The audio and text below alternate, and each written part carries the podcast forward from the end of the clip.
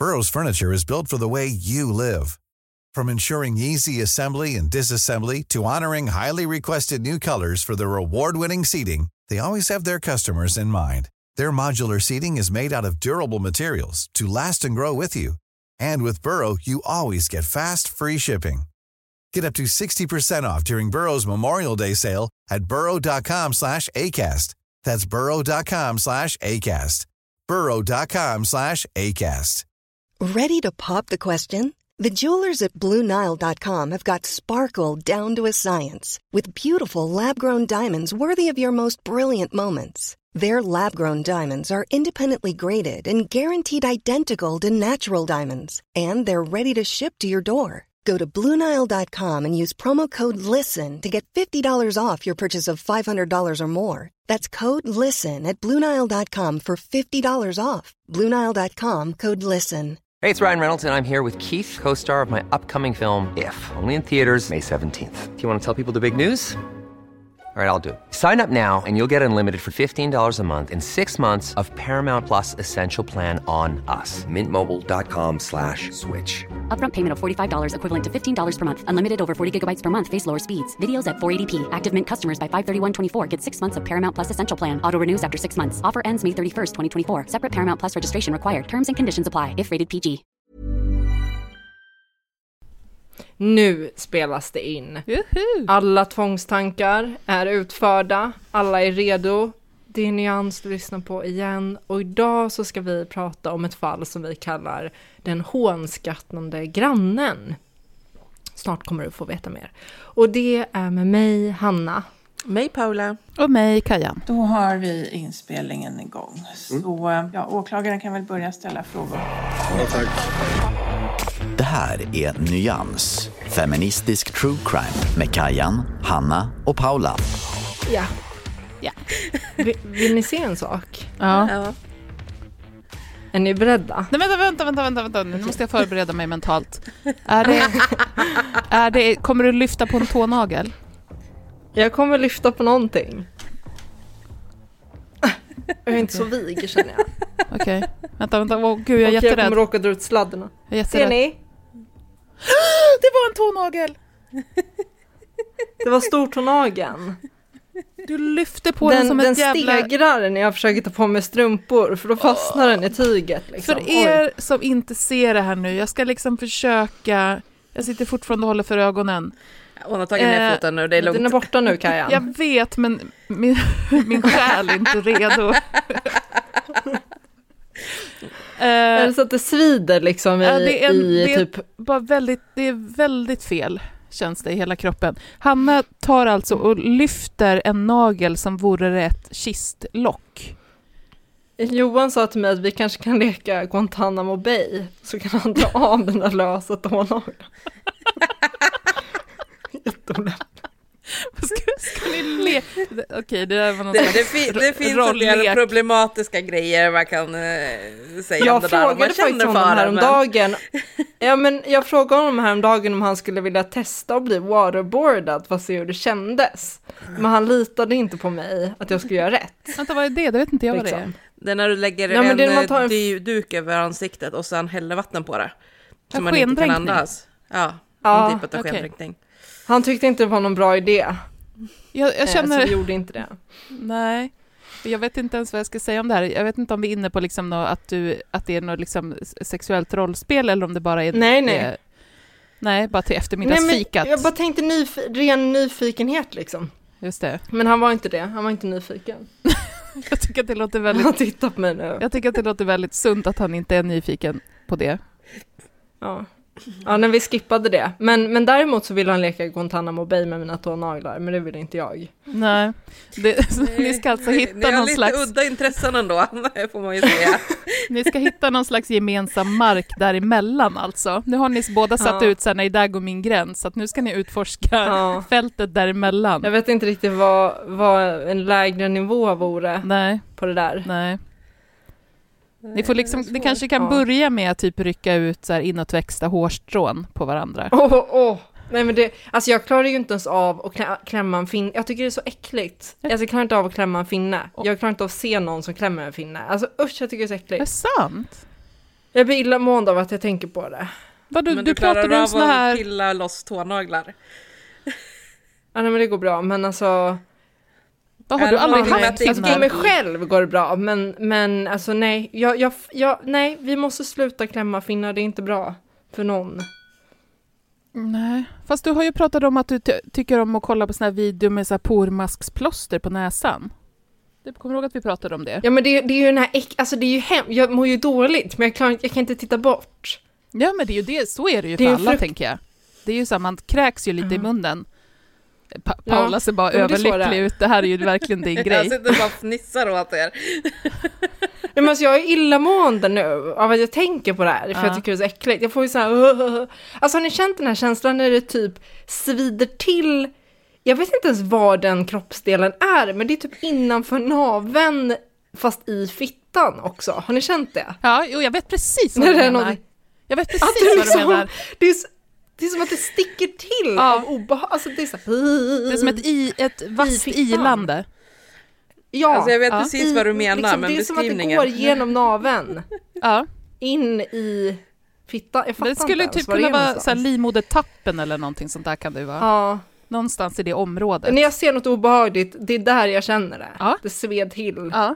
längst in i fiffusen. ja. Mumindalen. Mm. Mumindalen är väl röven? Mumindalen. Nej, röven, det, Det är den, vad de säger i Flashback Forever, den bruna porten till Kvasterbo kyrka. Jo, jo, men Mumindalen är väl fort... Om man pratar om, har du tagit den i Mumindalen, då är det väl fortfarande analsex man pratar om? Vilket hål är det? Är det analsex? Ja, röven. Ingen Mumindalen. aning om. Är inte hela alltet Mumindalen liksom? Gud, det här, känns Aldrig ju, det här kan ju bli väldigt fel. Det här känns ju verkligen som vi Ja. måste reda ut. Å andra sidan, det är väl liksom hela här framstjärt-grejen. mysigt. Liksom. Framskärde som min mamma när jag var liten. Du är inte ensam Nej, hon sa kissrumpa, ännu värre tror jag.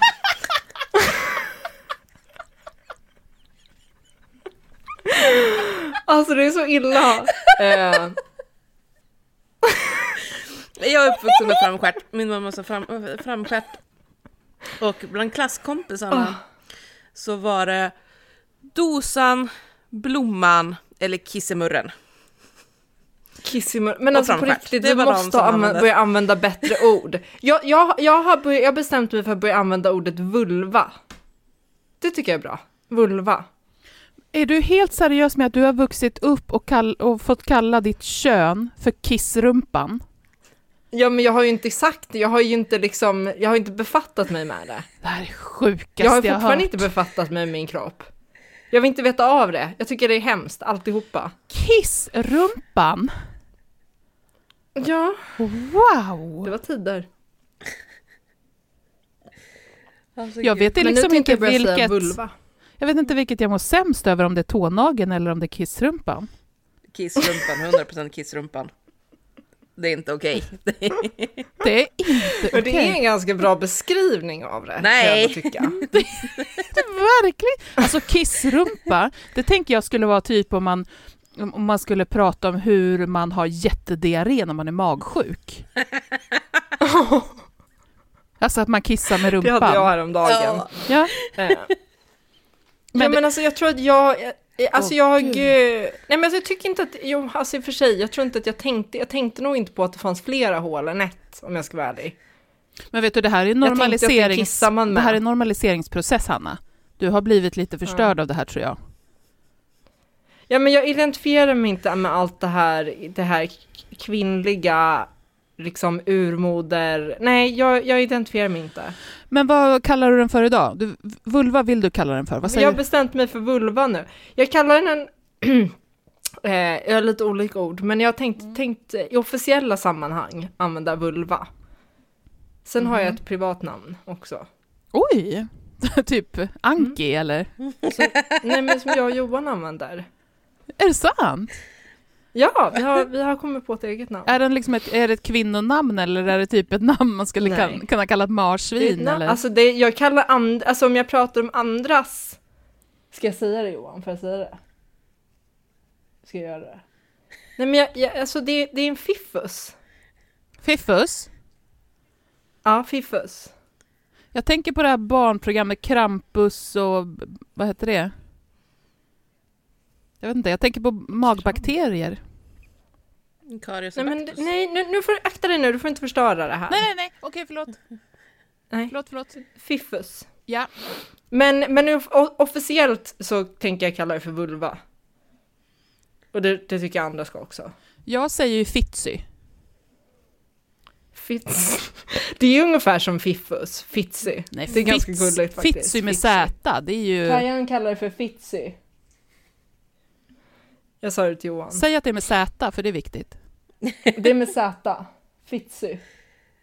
Ja, Han Ja. nickar. Det är lite, det är ju lite snärtigt, det är ju lite vasst. Fits, Fitsy. Fitsy. Det låter liksom som punk-fiffus som Jajamän. heter Fitsy. Jajamän. Kommer ni ihåg den här gången för typ två år sedan eller någonting när jag kollade mig i spegeln och fick panik Ja. Ja. över att jag inte visste vad som var vad och skrev i vår chattgrupp och jag trodde jag hade fått cancer typ. ja. Och Kajan övervägde att skicka, skicka fit, fitpics till mig för att visa hur det ska se ut. ja, men jag tänkte det Det kunde hemskt. hjälpa. Nej men jag fick en chock, jag, jag vet inte hur det ska se ut, jag har inte kollat. Nej, men kommer du också ihåg att jag sa att Hanna, för, för precis när jag var i din ålder, utan att låta så här, och du är så ung, men att jag sa det, att precis när jag var i din ålder så gjorde jag exakt samma sak. jag tittade och bara så här, det här kan inte stämma. Det här är ju liksom Ja. cancersvulster i Ja men det hela var min verkligen såhär, kropp. vad är det här? Mm. Vad är det här som sticker ut här? Ja. Vad är det här? Ja. För en liten flärp. Var, varför, var är det, såhär, what? varför är det bulligt och skrovligt? Eh, Jag Jaha, tittade, nej, men när det var verkligen en jag, chock. jag tittade när jag var gravid. Det kan inte rekommenderas, Mm. för saker ser inte Nej. ut som de brukar då. Och jag var helt säker på att jag var på väg att få framfall. Ja, allt är ju extremt då också. Jag Ja, tycker bara att när det, man har det var mens, inte, det när det var, är svullet. ja, nej, det var, det var bara urinröret som var väldigt, väldigt förstorat och svullet av allt tryck. Så det såg ut liksom verkligen som en extra Ja. bulle. Ja, nej men det var, det vara var, det var en skräck. Men du gjorde det väldigt bra Hanna, för du bokade. Nej, du ja. bokade en tid och sen så gick du och så sa de det är så här det ska se ut och så sa du tack så mycket och så gick du. Och, Ja. så, och så var det Ja. bra. Jag grät hela, hela, hela sessionen i gynstolen också. Ja. För jag tycker det är så hemskt. Och jag ska säga att Ja. det är inte som att jag erbjuder vem som helst fitpics. Nej. Utan, Nej, och jag, det skulle det, inte var vara en väldigt- trevlig upplevelse, men jag tänkte att det här, för jag visste precis hur du kände och jag visste exakt vad det var du Mm. tittade på. Ja. Lilla Fitzy.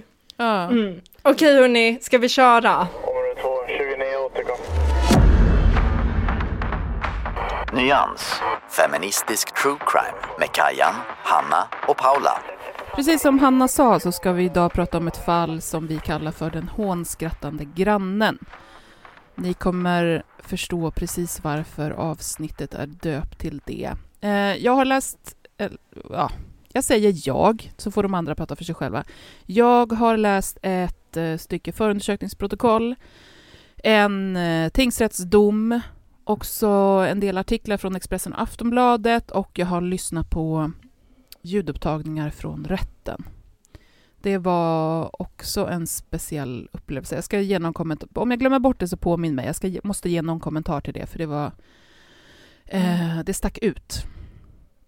Okej, de inblandade som vi kommer prata om idag är ett brottsoffer som vi kallar för Lena. Eh, hon var 68 år. Och en förövare som heter Sven-Åke Magnusson, 64 år. Klockan 11.36, 8 juni 2021. SOS får ett larmsamtal. Inringaren säger att polis och ambulans måste komma på en gång eh, till en adress i Karlstad. Man säger att en man har knivhuggit en kvinna och nu ligger hon på marken och blöder kraftigt. De personer som är vid henne försöker stoppa blödningarna med eh, en handduk. Och de säger att kvinnan andas och någon tror också att hon är vid medvetande. Operatören frågar om förövaren. Det vill man såklart få koll på. Eh, om man vet vem det är och om man vet vart personen tog vägen och inringaren säger, svarar tillbaka på det att han står där och kan också uppge ett namn på personen. Mannen som har knivhuggit kvinnan är kvar på platsen och han vankar fram och tillbaka en bit bort eh, medan de här personerna pratar med, med SOS i telefonen. Snart säger inringarna att kvinnan har förlorat medvetandet men att de fortfarande kan höra henne andas.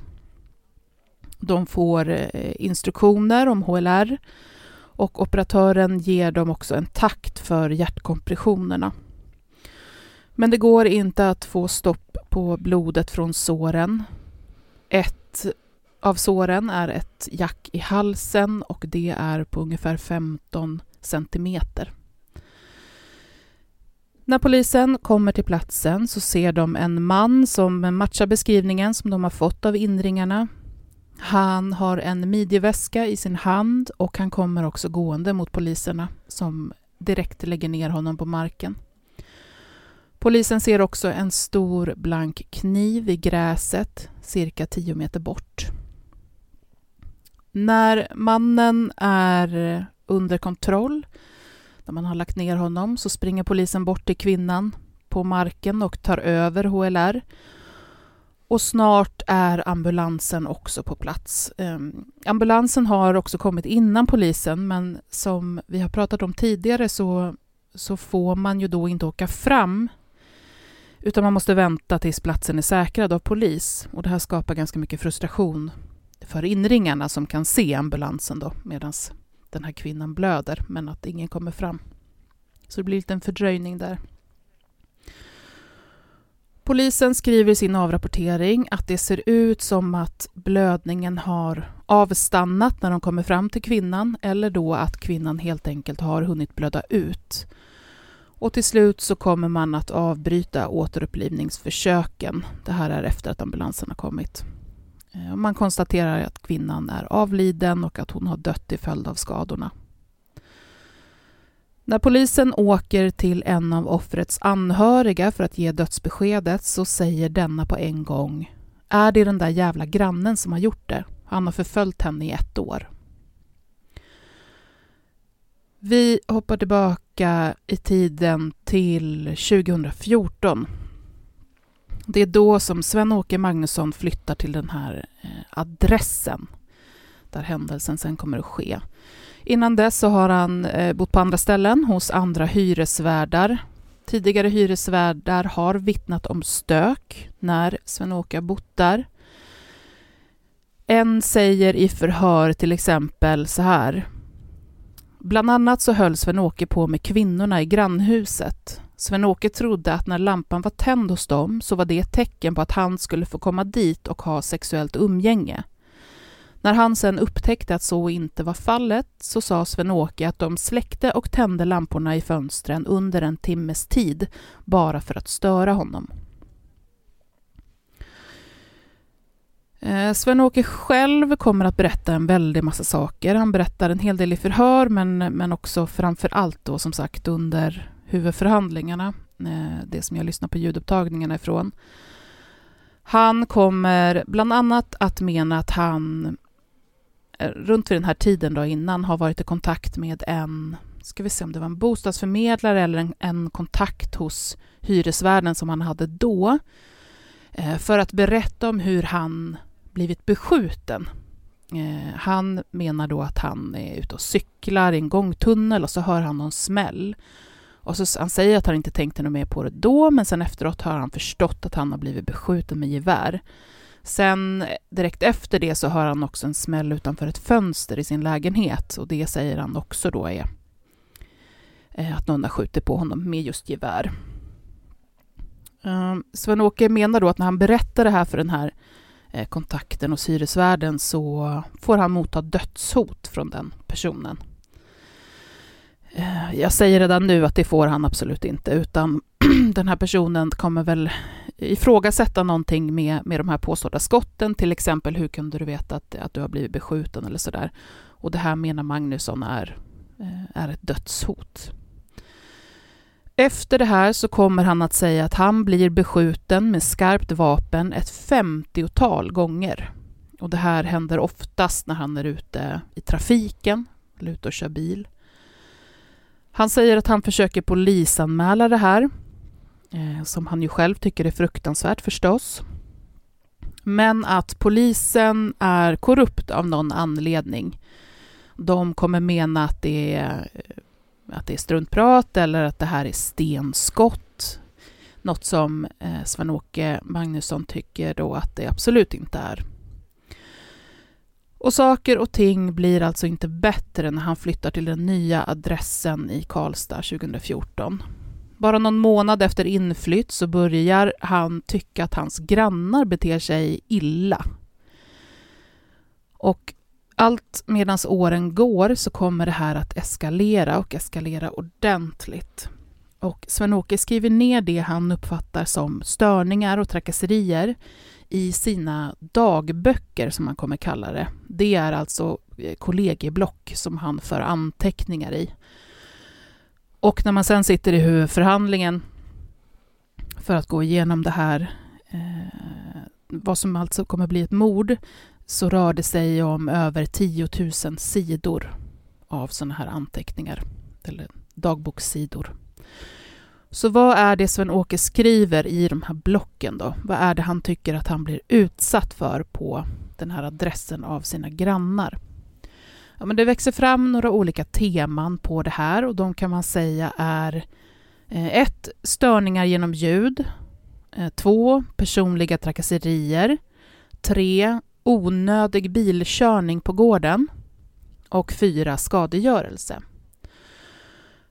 Och om vi börjar med de här störningarna genom ljud då, så menar Sven-Åke att grannarna i hans hus medvetet försöker störa honom, natt som dag, framförallt natt. Han menar att eh, de som har lägenheterna ovanför honom sitter och bankar i golvet oavbrutet. Eh, bland annat för att han inte ska få sömn då, och han ska eh, psykas och brytas ner.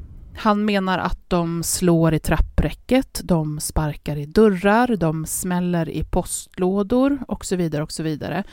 Och allt det här gör de för att störa just honom, men också för att provocera fram reaktioner hos honom. Och de här reaktionerna menar han att de vill ha för att de ska kunna använda dem för att bli av med honom. Att de ska få rätt i att det är honom det är fel på och att de i hans reaktioner, då, om han säger ifrån, ska få bevis som de kan använda emot honom så att han ska tvingas flytta. Detsamma gäller egentligen de här personliga trakasserierna som, som är liksom tema två. Det här är framförallt verbala påhopp, menar Sven-Åke. Han säger att han blir kallad saker och att vissa grannar, där han då menar att Lena är ledaren, Eh, Eh, att de stirrar på honom och säger saker som han då tolkar som hot. Han säger att han blir kallad saker som skit och ohyra och eh, han tar upp olika exempel, han tar upp mängder av exempel som är ganska svåra att hänga med i, men bland annat, bland annat då att Lena har ifrågasatt hur någon som han kan ha barnbarn. Och även det här menar han är provokationer mot just honom, men som han väljer att inte nappa på. Enligt Sven-Åke själv så är han inget annat än trevlig och skötsam tillbaka, just för att hans grannar inte ska få rätt och hjälp med att lyckas bli av med honom. Så har vi den onödiga bilkörningen Ja, Sven-Åke skriver ofta om att det kört eh, någon bil mellan husen på gården. Nu är det inte otillåtet att köra bil där. Det är vägar som är till för bland annat det. Eh, vilket också hyresvärden informerar Sven-Åke om. Men Sven-Åke tycker inte att det är nödvändigt eller motiverat eh, att köra där. Man kan ju faktiskt parkera bilen längre bort och gå med sina grejer som han gör. Och eftersom han tycker att bilkörningen är onödig så når han också slutsatsen att den förekommer bara för att störa honom. Han menar också att eh, de här grannarna och andra personer också försöker köra på honom när han då kommer gående mitt på den här vägen och det kommer en bil och kör bakom honom. Eh, så han tar det som både dödshot och, eh, och försök att mörda honom i princip. Under huvudförhandlingen så tar han också upp som eh, exempel att det en gång står en bil där mellan, mellan husen då, med alla bildörrar öppna och att ägaren har dragit ut mattor och annat för att göra rent i bilen. Och det här menar han är trakasserier av honom eftersom det då gör det svårt för honom att gå förbi den här bilen utan att behöva gå upp på gräset. Och det är ungefär så som alla hans exempel på de här trakasserierna då ser ut. Eh, skadegörelsen då? Ja, han menar ju att de här grannarna som inte gillar honom, och det är både grannar som sagt i hans egen uppgång, men också i uppgångar bredvid. Eh, han menar att de går och låser upp hans bil upprepade gånger. Det är oklart hur, men helt plötsligt är dörrar inte låsta, medan han menar att han har låst dem. Han säger att de eh, tänder eld på bilen, att de häller ut socker inuti bilen, att de har sönder hans brevlåda, att de tömmer hans cykel på luft och så vidare. Ibland är det många noteringar per dag i de här kollegieblocken och de fylls som sagt år för år. Och i dem, eh, FUPen består, består ju förstås till stor del av de här eh, dagboksanteckningarna. Och i dem så går det att se hur hatet mot grannarna och framför allt då mot Lena som bor i ett hus bredvid eh, växer sig starkare och starkare. Från grannarnas perspektiv ser det dock väldigt annorlunda ut. Samtidigt som det bara är Sven-Åke som vittnar om störningarna som han menar att han blir utsatt för kan väldigt många grannar berätta om störningarna som Sven-Åke skapar. Att det är han som slår i dörrar, att det är han som sitter på gården och eh, stirrar obehagligt långa stunder på andra som är ute, hur han inte svarar på tilltal eller till och med skriker tillbaka. Eh, eller om någon hälsar eh, så svarar han inte. Också att han gör aggressiva utfall mot flera grannar vid olika tillfällen. Bland annat så sparkar han efter en granne som försöker hälsa på honom. Grannarna går till och med ihop och ber om hjälp av hyresvärden med att hantera den här grannen som de tycker är psykiskt instabil och ja, väldigt läskig. Eh, de pratar om hur flera äldre och eh, också barn och unga inte vågar gå ut när man ser att han är ute för att han är så obaglig. I ett brev till hyresvärden och och eh, som också går till Hyresgästföreningen 13 mars 2020 så skriver en boenderepresentant så här i ett brev. Eh, Vi är rädda att detta slutar med förskräckelse. Och så här har det sett ut i ganska många skrivelser från, eh, från grannarna.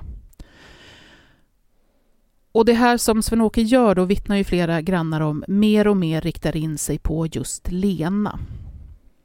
I förhör kan det till exempel låta så här.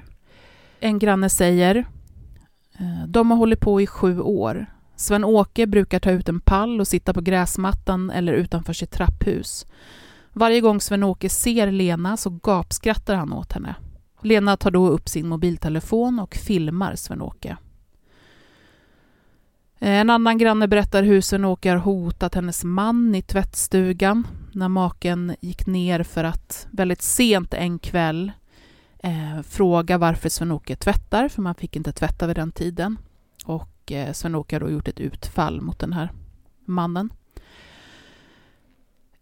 Ytterligare en granne som, som kände Lena väl berättar hur Sven-Åke har trakasserat Lena i över ett år, att han har förföljt henne, han skrattar skrattar konstant åt henne så fort han ser henne.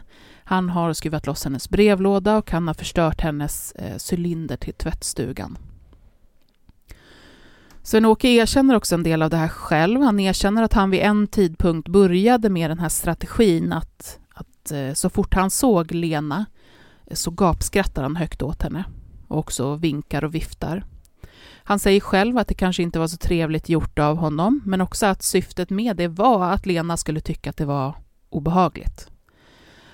Han tyckte nämligen att det här var det enda han kunde göra efter allt som hans grannar gjorde mot honom. Lena lider väldigt av det här, berättar personer i, i hennes omgivning och det framkommer ju också i den här dokumentationen då, som skickas till bland annat hyresvärden. Hon gråter över situationen. Hon har bott på, på den här adressen i över 20 år och trivts väldigt bra. Men nu känns det väldigt, väldigt jobbigt och hon är väldigt rädd för Sven-Åke. Till slut, ungefär ett år innan mordet, så kommer Lena att anmäla det här till polisen.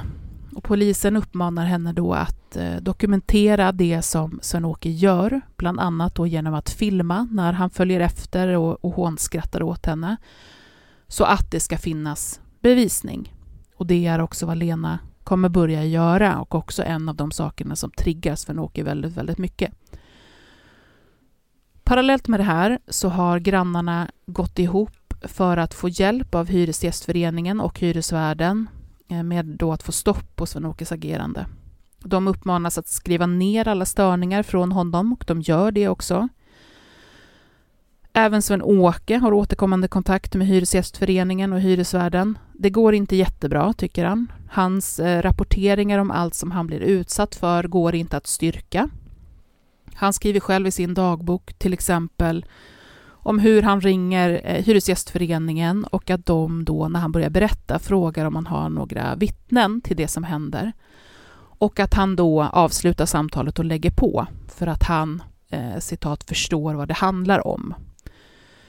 Han menar ju att det finns en konspiration här där man samarbetar för att hans larm inte ska lyssnas på och för att han ska bli mer utsatt. Det finns en granne av alla som ger Sven-Åke visst stöd. I vart fall i att det kör bilar på gården och också i att grannar tittar snett på Sven-Åke. Ehm, den här grannen är dock en av dem som också skriver upp störningar från Sven-Åke och som det framkommer i rätten, han är endast med en väldigt kort stund, men det framkommer ganska tydligt att han Eh, är ganska rädd för Sven-Åke. Eller som han säger, har respekt för honom.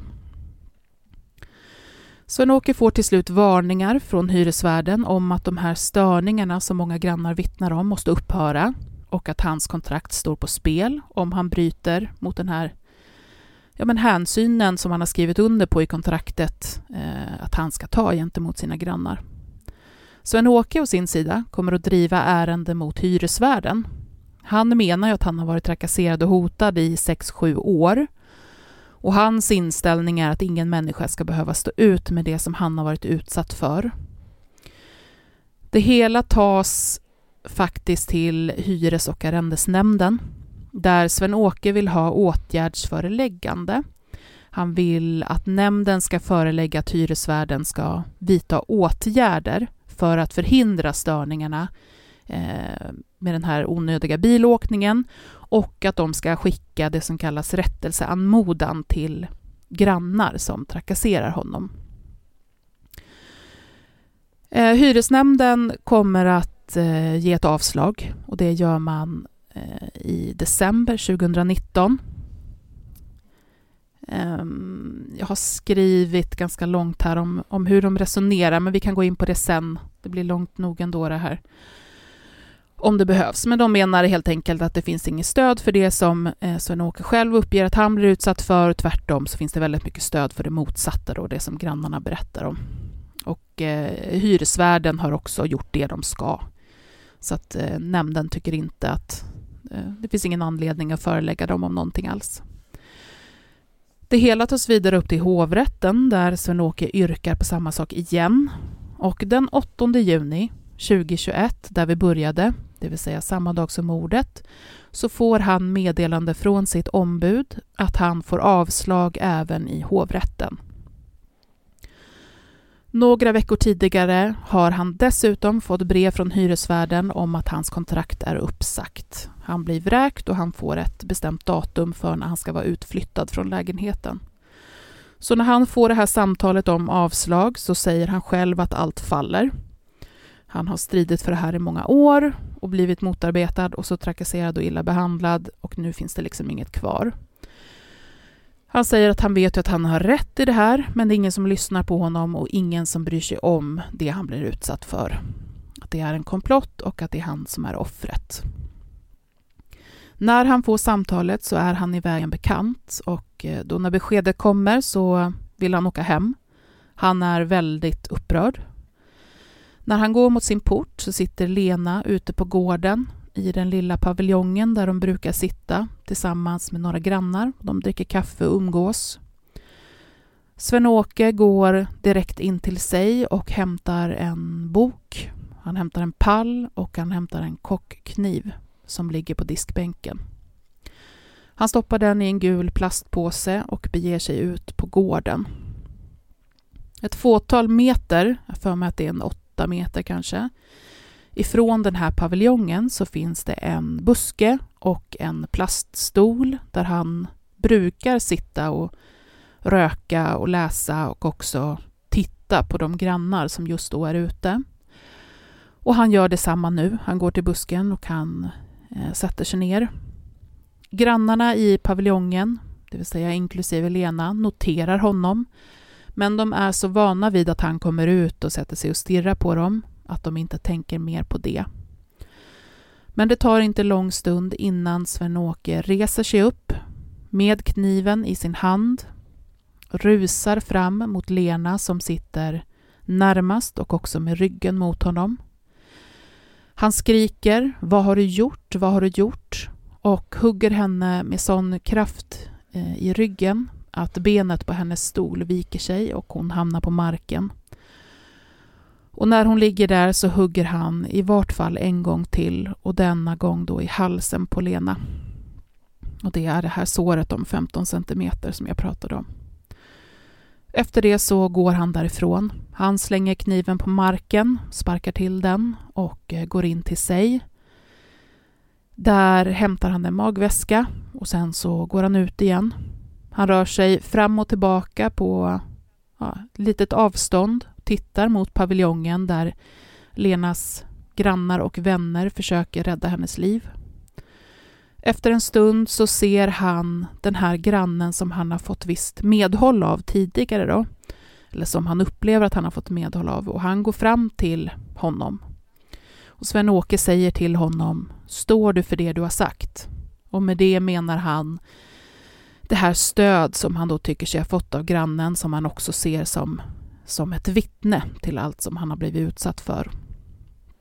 Det finns en annan uppgift på att Sven-Åke ska ha sagt just vid det här tillfället något till grannen i stil med eh, nu har jag gjort det jag behövde och jag ångrar det inte. Men det här kommer grannen att förneka i rätten. När man går igenom Lenas telefon så hittar man videoklipp som hon då har filmat på uppmaning från polisen. De föreställer Sven-Åke som hånskrattar högt, vinkar eh, och också går efter Lena. Jag ska avsluta nu, det blev lite långt det här, men herregud vilket fall det är. Jag ska avsluta med att läsa några saker bara ur de här dagboksanteckningarna för att ni ska få en bild av hur det har sett ut. Eh, och eh, generellt i fuppen så står det så här rörande anteckningarna. Sven-Åke uttrycker dagligen saker som till exempel horan spolar ovanför, gubbjäveln smäller i dörren, idioterna slår i golvet, idioterna sitter vid trädgårdsmöblerna, grannkärringen glodde, Horan förde oväsen, knackade, slog i väggar golv. Jävla väsen från horan ovanför.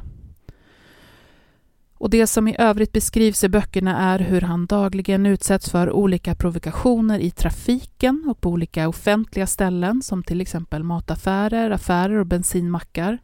Han beskriver hur han blir påkörd på övergångsställen, hur bilar dagligen tutar, att han blir beskjuten och han blir eh, förföljd av olika personer och fordon, främst av bilar med kärror efter. Även ambulans och polis omnämns i negativ bemärkelse och han skriver även att hans telefonsamtal är avlyssnade. Och när, så här kan det då låta när han skriver. När jag kom ut ur min gång satt naturligtvis psyklena där och ståkade mig och ska bli slaktad som en gris. Gick ut och tog mig en rök. Nu kom Lena inkörandes igen, nu med bara två små kassar. Varför hon körde in, ja det förstår väl alla som läser detta. De är döda, döda, döda. Jag känner mig verkligen som en livsfarlig varg, så namnet passar utmärkt. De eller den jag kommer att få tag på kommer jag slita i stycken helt och hållet. De ska inte ens kunna se att det är eller har varit en så kallad människa. Tro mig, inget kommer stoppa mig. Inget. Ja, jag har, så, det, jag har massor med mer, men jag sparar saker till en diskussion sen. Jag har snöat in på det här lite grann kan man säga. Är det min tur? Mm, det är din tur, Hanna. Område 2, 29 återkom. Nyans, feministisk true crime med Kajan, Hanna och Paula.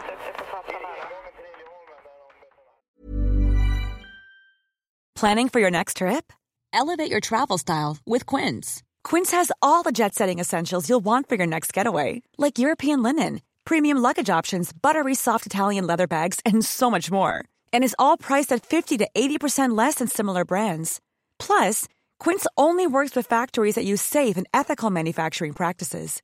Pack your bags with high-quality essentials you'll be wearing for vacations to come with Quince. Go to quince.com slash pack for free shipping and 365-day returns. Hiring for your small business? If you're not looking for professionals on LinkedIn, you're looking in the wrong place. That's like looking for your car keys in a fish tank. LinkedIn helps you hire professionals you can't find anywhere else, even those who aren't actively searching for a new job but might be open to the perfect role. In a given month, over 70% of LinkedIn users don't even visit other leading job sites. So start looking in the right place. With LinkedIn, you can hire professionals like a professional. Post your free job on linkedin.com slash people today.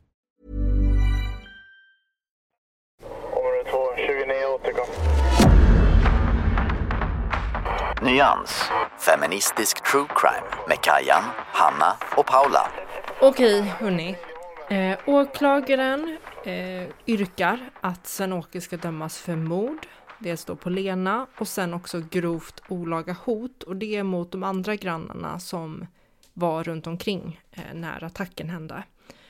Och sen också en misshandel som är en helt separat händelse och med ett annat brottsoffer som inte var liksom där. Och det gäller en trafikolycka där Sven började, Sven-Åke började slå en person. De, ja, de liksom krockade lite eh, och då så började han slå den här personen och det här döms han för. Eh, men jag kommer inte fokusera på det utan det är ju en helt skild händelse. Men det var ändå så pass nära i tid att de körde i samma veva. Sven Åke varken erkänner eller förnekar gärningen och han motsätter sig också att betala skadestånd till målsäganden. Tingsrätten börjar med att klargöra två juridiska utgångspunkter eh, och det är det här. Det här gör de alltså innan de går in på själva domskälen och bevisningen och så, utan då säger de så här. När det gäller den version av en händelse som en tilltalad lämnar är utgångspunkten att den ska godtas om den inte är motbevisad av åklagaren eller framstår som så osannolik att den kan lämnas utan avseende. I den mån något är oklart har tingsrätten att utgå från den beskrivning av händelseförloppet som är mest förmånligt för den tilltalande. Och jag eh, tänkte att alltså på något sätt får ju här, eh, ja, eh, vad ska man säga, betydelse för det som kommer längre fram i domen. Även om jag, jag vet inte, jag hade lite svårt att se den kopplingen, men jag tyckte i alla fall det var intressant, så jag tog upp det.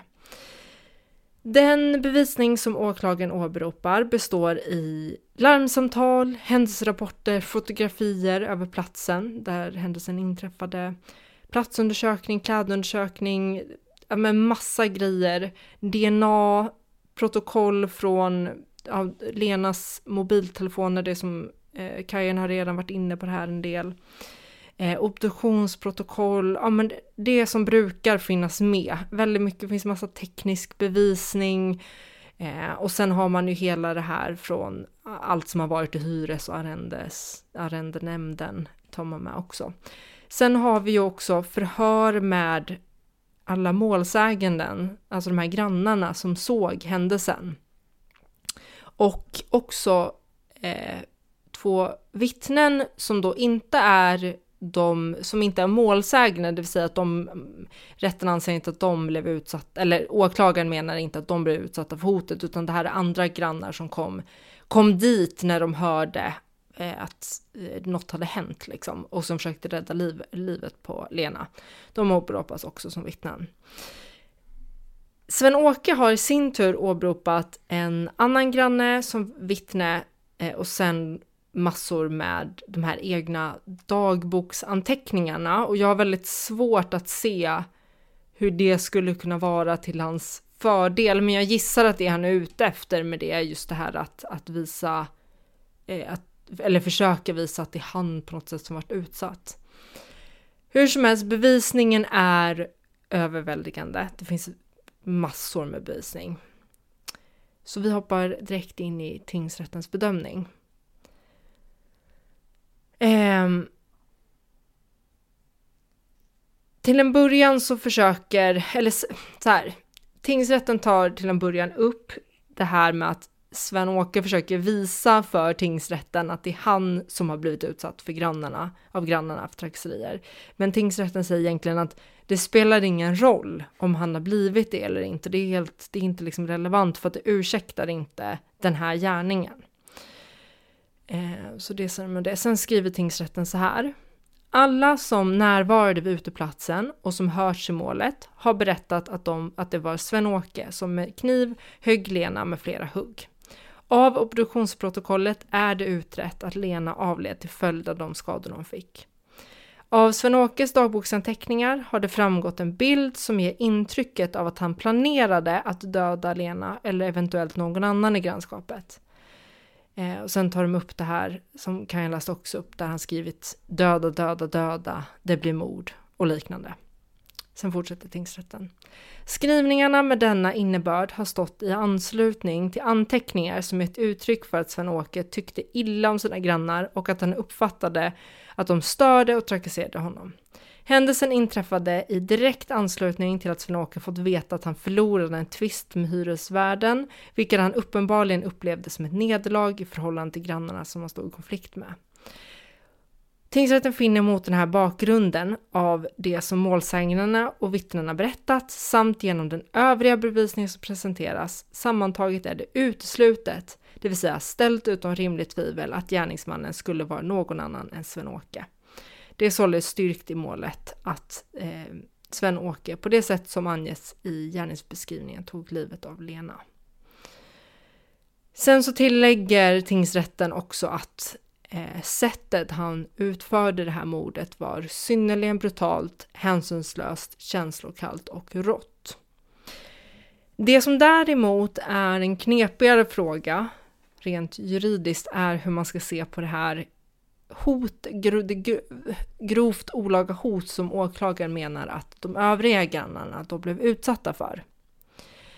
Och eh, det, grovt eller olaga hot är ett brott man döms till om man då hotar någon annan med brottslig gärning på ett sätt som är ägnat alltså att hos den hotade framkalla allvarlig rädsla för egen eller annans säkerhet till person, egendom, frihet eller frid.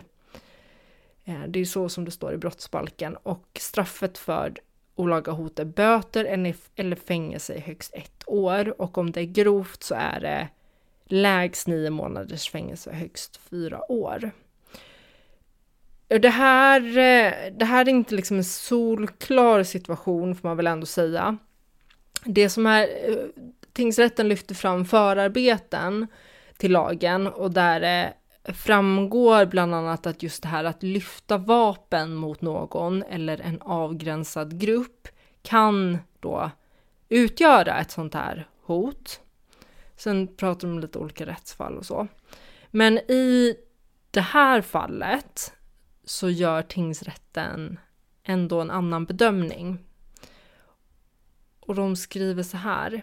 I det fall som tingsrätten nu har att bedöma var det fråga om ett mycket kort händelseförlopp inom vilken de här grannarna då knappt han uppfatta vad som hände innan Sven-Åke hade närmat sig Lena och sagt Vad har du gjort? Höjt kniven och därmed därefter omedelbart huggit henne.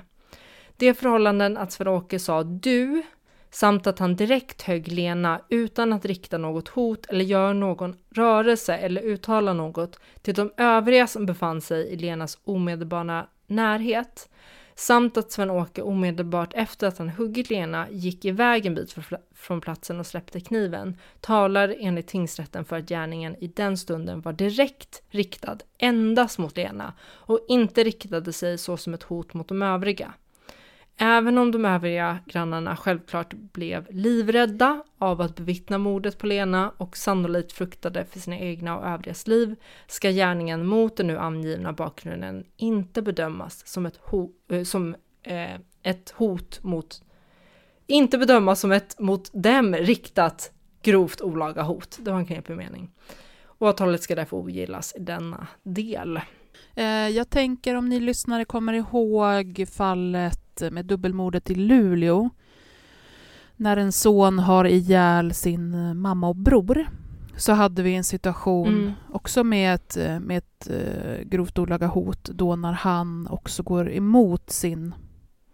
Papp, pappan överlever ju mm. oskadad men, men sonen vid ett tillfälle går emot honom och har en kniv i handen. Han höjer den inte, han säger ingenting men han går emot honom och där blir, det blir han ju dömd för.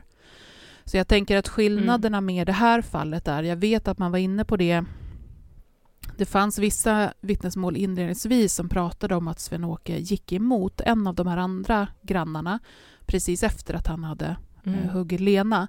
Men det här kommer in, den här grannen kommer liksom inte ihåg det i, i rätten och sådär. Det finns inget mer som styrker det. Så jag tänker, hade han gjort det eh, och rört sig emot på ett liknande sätt, då hade han nog blivit mm. dömd för det också. Men, men nu fanns det liksom Absolut. inget sånt. Absolut. Nej, alltså och det, eh, jag tror att det är mycket kring det här att de övriga, att det gick så fort att de övriga grannarna inte hann, hann liksom uppfatta eh, att det var riktat mot dem förrän i efterhand. Mm. Att man då, att det var efter det hade skett, att det var då den här rädslan kom, men då var det ju inte längre att han då, alltså ur tingsrättens perspektiv, att han, då var det inte längre att han liksom utgjorde det här hotet, även om hans uppenbarelse, bara att han är i närheten, självklart skulle uppfattas som ett hot, men i rättslig mening så är det inte det. Ja, men precis. Eftersom att han hade släppt kniven och gått därifrån. Precis, att det är två ehm, olika saker, så, att det är så, självklart att man blir mm. livrädd för det och också har, har man ja, sett någon hugga precis. ner sin vän och sen går och vankar en bit bort under en lång stund. Det är klart man är rädd, fruktar för sitt eget liv också. Men det är ju inte samma sak som att han aktivt har hotat. Så att det är det man nej, på. Nej, och det, och, nej men precis, för så, så ser inte lagen ut att nej, det krävs ju mer än att han bara är där. För i mm. så fall skulle man ju kunna säga att typ alla människor med ett stort våldkapital är, är, liksom utövar olaga hot mm. genom att existera. Ja, precis. Även om det är också en lite dålig jämförelse just att det här är en så akut situation såklart, men i förlängningen så är det väl det som är resonemang, liksom blir resonemanget. Ja. Hur som helst, han eh, bedöms lida av en allvarlig psykisk störning och döms därför till vård med särskild utskrivningsprövning. Eh, så det är det. Det är det. Ja, och det, det, kan man ju också tillägga att i, i förhandlingarna så märks det ganska tydligt att han pratar väldigt ofta om att han absolut inte är sjuk, utan att det är eh, typ rättsväsendet och, och snutjävlar och så vidare som försöker få honom att verka, verka galen. Men att det då eh, framkommer att han både led av en allvarlig psykisk störning vid tiden för brottet men också att han fortsatt gör det under undersökningen. Vilket ju mm. ni som lyssnar kanske inte tycker att det är en jättechock att det är vad man kom fram till. Och det är det väl heller inte. Det är ju en, en person med vanföreställningar. Nej, och det, jag, jag tycker det känns väldigt bra att det var det som blev straffet, för då kommer han, just det här med särskild utskrivningsprövning, han kommer inte komma ut efter ett x antal år om han fortfarande är livsfarlig, vilket han uppenbarligen är. Ja. Mm. Um, så det känns bra att han är tucked away. Mm. Just nu när han eh, uppenbarligen saknar all sjuk- sjukdomsinsikt Ja. så tycker jag Mm. att det är extra skönt att veta liksom att han kan eh, gaffla hur mycket han vill om att det är alla andra som är galna Mm. och inte han. Han kommer Mm. sitta där han sitter. Ja. Det är alltså noll verklighetsförankring hos den här Mm. personen. Noll. Mm. Vilket också är det man slås av när man lyssnar på ljudupptagningarna från rätten som är, alltså både, man får påminna sig själv om att det är en, en svårt sjuk person man lyssnar på, för det är också väldigt, väldigt provocerande hur, Mm. eh, hur han sitter Mm. och, och eh, gör sig själv till offer med helt vansinniga eh, påhitt. Mm. Som man vet att alla i rummet liksom vet är påhitt, men han är så övertygad om att alla förstår att det är han som har blivit utsatt. Område 2, 29 återkom. Nyans. Feministisk true crime med Kajan, Hanna och Paula. Eh, diskussionsmässigt, jag har faktiskt inte hittat så jäkla mycket om detta i sociala medier. Jag brukar ju försöka liksom titta lite hur andra har reagerat och sådär. Och eh, jag vet inte om det är själva grejen, liksom att det är... Varför alla var ganska uppenbart... Oj, ursäkta. Att det här rörde sig om en... eh, en man som har tappat all verklighetsförankring. Och då är ju domen väldigt, väldigt rimlig. Alltså överlag när Mm. vi har de här rättsfallen med domar som vi tycker är så pass självklara, eller verkligen liksom så att det här är rätt, så verkar folk i ganska stor utsträckning i övrigt också tycka att det är rätt. Och då blir det väldigt lite debatt, blir väldigt lite diskussion. Det som jag har Ja. sett mest om, det var ju också det du pratade om, Hanna, med domen, det här Mm. med det olaga hotet. Mm. Att den är knepig. Eh, Jag, eh, jag tycker ju att tingsrätten gör en re- korrekt bedömning liksom där. Eh, Att liksom så som lagen ser ut och hur, hur man ska bedöma såna här grejer Mm. eh, så tycker inte jag att de gör någonting konstigt alls. Nej. Och jag tycker de motiverar det väldigt väl. Mm. Håller med. Ja, jag håller också med. Och sen är det klart att det, det, kan ju, att det är klart att det stick, kan sticka i ögonen och kännas obehagligt. Mm. Eh, och just eftersom att det här är en sån här situation ja, men som vi återkommer till ibland när det blir liksom vansinnesdåd på något sätt i situationer som vi alla kan relatera till. Alltså alla har väl haft en knepig granne. Eller liksom någon i närheten som man inte riktigt vet vad man har. Och det blir ju därmed otroligt skrämmande liksom att, att tänka sig att det här är något som faktiskt skulle Mm. kunna hända. Mm. Ja, men jag kan tänka mig att vissa, och jag vet att jag själv känner liksom så här, fan, hade vi inte kunnat förebygga det här? Ja. Liksom Lite den känslan, att så här, det är, uppenbarligen är det här en väldigt sjuk person och att det behövde gå så här långt att man inte kunde stoppa honom innan liksom. Mm. Jag har ju pratat... Paula, säg till om jag går in för mycket här nu på din del. Jag, är så, jag har gått igång på det här fallet så jävla mycket. eh, Det är lätt jag på. Men också i och med att eh, Jacke, min man, jobbar på eh, Hyresgästföreningen så har ju vi, det så har ju vi liksom diskuterat det här och också liksom med ja, men som det ska se ut. Det ska vara svårt att säga upp kontrakt med Mm. personer. Mm. Det ska inte kunna göras helt godtyckligt.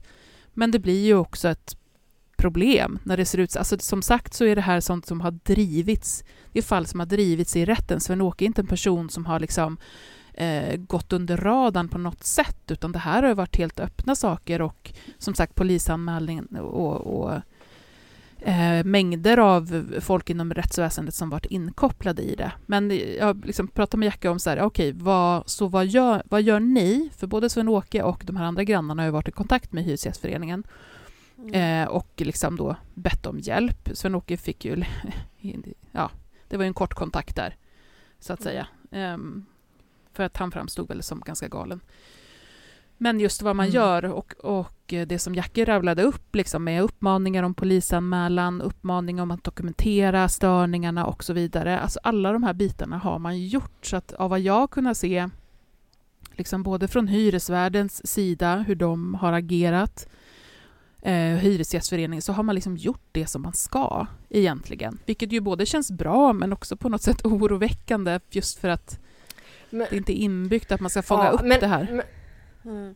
Men alltså jag blir, ja, men vad tänker ni liksom? Är det, och nu är jag rädd att nu kommer ni, nu kommer ni vara i luven på varandra igen. Oj. Eh, men sist vi diskuterade eh, hyres, hyressituationer. Nej Eh. men det jag skulle fråga, men tycker ni det är för lätt att säga, för att ibland är det för svårt att säga upp hyresgäster? För jag, jag bara tänker, jag har, jag har en kompis vars granne, alltså också har varit, inte i en sån här situation, men ändå haft en problematisk granne i typ tio Mm. år. Där den här grannen typ riktar sina, sin techno trance musik med sina eh, liksom, vad heter det, högtalare mot hennes vägg in i hennes sovrum och du vet så här Mm. medvetet typ skriker hora in genom hennes brevinkast och sånt där på morgonen. Mm. Eh, och det får bara fortsätta. För det går inte att säga upp honom liksom. Nej, alltså det, ja, jag tycker att det är svårt. Alltså den typen av, det ska ju bli, det ska ju polisanmälas. Alltså det, för det är ju, så Ja. får du inte göra brott. Alltså det, då handlar det ju inte bara om att du inte gör, att du inte visar hänsyn som granne, utan då har du ju gått över andra gränser som, som ska lagföras liksom på, på andra sätt. Men Mm. Jag vet, jag vet inte om jag kan svara på den frågan. Jag tycker att det är svårt. Det är både ja och nej. Det beror ju liksom helt på vilket fall man tittar på. Jag vill ha ett svartvitt Jag svar förstår nu. det, för du, Ja eller nej du vill ha bråk. Inga nyanser. Nej, precis. Alltså grejen är att jag är, säger samma sak, att jag tycker det verkar bero väldigt mycket på. Och det, i och med att vi inte kommer kunna ta den som snackis så drar jag lite parallell till det ändå. Det här som vi postade kring att Centern lägger lagförslag, eller försöker driva fram ett lagförslag nu om att man ska utveckla i skollagen att man får flytta på elever med hänvisning till brottsoffer. Mm. Eh, då med, Mm. med den här att en 11-årig pojke blev våldtagen av en, en annan i klassen. Och eh, rektorn säger att han inte kan flytta på den här eleven. Varför Mm. den här eh, då offret blir tvingad att gå till skolan och träffa sin förövare varenda dag. Mm. Och då står det i skollagen att man får flytta en elev med hänsyn till övriga elever eh, eller skolans trygghet Mm. och säkerhet. Mm. Eh, och ändå flyttar man inte då den här eleven med hänvisning till brottsoffrets trygghet. Och då tycker Centern att man ska gå in och lägga en förändring i lagen som säger att man ska kunna få flytta då om det har skett ett brott för att ta hänsyn till brottsoffret. Och jag blir superfrustrerad för det är verkligen sant, men det är inte lagen som är problemet. Det är ju att det sitter rektorer och tycker att står det inte uttryckligen på ett visst sätt så kan inte vi agera. Fast det är väldigt uppenbart liksom att man har skrivit det på ett lite mer luftigt sätt för att det ska finnas möjlighet till lite tolkning för att kunna anpassa efter situationen. Och så upplever jag ganska ofta när det kommer till lagar kring det här med boenden också. Att det är väldigt mycket det beror på. Mm. Hur ser situationen i stort ut? Det beror på. Och eftersom det är det här luddiga så blir det lite lotto. Kommer det vara hos en hyresvärd som är väldigt strikt? Då vet man ju om, alltså det finns ju familjer till exempel som har blivit vräkt för att de har fått en bebis med kolik och barnet har skrikit för mycket. Ja. Och hyresvärden har gått in och bara, nej men du ska kunna få din unge att hålla käft eh, mellan vissa tider på dygnet. Och kan du inte det så får du inte bo här, tack och hej. Mm. Trots att det, är liksom, det är ett barn med kolik, man kan inte göra någonting åt det mer än att försöka givetvis att lindra varför barnet gråter. Men eftersom det- det är någonting som inte ens sjukvården fullt ut fattar varför bebisar får, så är det omöjligt att fullt ut göra någonting åt det. Mm. Eh, Likaså finns ju de som har blivit vräkt liksom för att de har haft barn som har lekt tio, alltså, typ klockan nio på en lördag morgon. Och grannen under tycker att det är fel. Eh, Ja, och du, jag och vet så ju också... vidare, och så vidare. Så att, eh, Samtidigt som det finns de här fallen också där man kan känna som att det bara får pågå, pågå, pågå, pågå. Det händer ingenting. Och det är nog mycket Mm. just vilken hyresvärd man får, hur strikt eller hur löst de tolkar de lagar som finns. Men lagarna i sig skulle jag säga är rätt bra. Ja, och precis. För, och när man märker att det finns så här, okej, lagen är satt på någonstans i mitten och så märker man att det finns felaktiga utfall åt båda håll. Till, ja, men då att Mm. personer sägs upp på grunder som är helt bizarra. Jag vet också ganska många MPF eh, familjer som får väldigt mycket anmälningar till exempel för att det blir eh, utbrott och ljud i trapphus och sånt där som man inte kan Mm. liksom, styra över. Eh, men sen också att det blir utfall åt andra hållet som det här är ju liksom, vi ska säga det här är ett extremfall, det här händer ju liksom Mm. inte, det är ju extremt. Eh, Mm. men när det blir sådana utfall åt båda håll så kan man väl tänka att då, ja, men då ligger det kanske då ligger den kanske ganska bra. För att oavsett hur lagen eller bara regler generellt ser ut så kommer vi ju aldrig, och det gäller ju för allting, vi kommer ju aldrig någonsin kunna ha en lag som ser till att sånt här aldrig kan hända. Nej. Men det Nej, ska det hade ju varit super, men det går ju inte. Nej. Då hade vi nog redan haft det. Ja, och det är ju med precis det- alla brott. Ja, och man måste tänka sig att det blir ju en fru... Alltså redan nu är ju inte direkt Svea rikes lag lätt läsning, så att säga. Nej. Och ska man börja utforma lagar som ska uttryckligen nämna tusen olika eventualiteter. Alltså vi kommer få så Det finns, otroligt alltså det, är ju, det där är hur man otymplig skriver.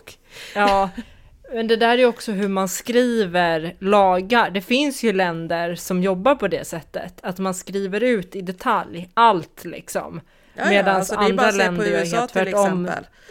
Ja. Som har de mest galna Nej, men, ja. lagar för att det blir lite så här, ja, en, en dom i en viss domstol blir alltid prejudicerande. Och sen kan det innebära att det blir en lag typ, du får inte mata åsnor med morötter på onsdagar. Och man bara, ja, okej. But Ja, why? det- I want det to. Ja. Men det är ju, ja men precis, det, sen finns det ju de som har man brukar, vad fan heter det? Man brukar skilja på de som liksom skapar rätt i domstolar och de som ska ha, typ som Frankrike, att man ska liksom skriva allting i lagen i en lång Mm. text. Liksom. Sverige är väl någonstans där mittemellan, där det både domstolarna säger kan bli, alltså eller högsta domstolen säger kan bli prejudicerade och sen ehm, papp, det vi skriver i lagen, pappret. Alltså det man skulle kunna tänka... Pappret. Pappret. Det var ju hög. pappret, ni vet det där pappret. Det jag skulle kunna Jag tänka trött, mig... jag är jättetrött. Det jag skulle kunna tänka mig att man kan göra, och det gäller egentligen också för precis alla brott, eh, men just med att man eh, får ut mer till gemene man vad... Så här, gör folk mer benägna att kunna eh, polisanmäla, eh, gå till sin hyresvärd, eh, hyresnämnden och så vidare. Med, helt enkelt att man får bättre koll på vad som gäller, vad som är godtagbart och inte. Mm. Jag menar, det här är ju någonting som hade... Jag vet inte om det hade kunnat blivit ett polisärende tidigare heller eftersom att det just eskalerade där då när, ungefär när, när Lena faktiskt polisanmälde det. Men, men där kan man ju alltid göra Mm. saker för att liksom eh, maxa chanserna för ändå skyddsnätet att steppa in och göra saker. Och sen som sagt så kan det ju vara så här att man har gjort alla rätt. Grannarna har dokumenterat tillsammans.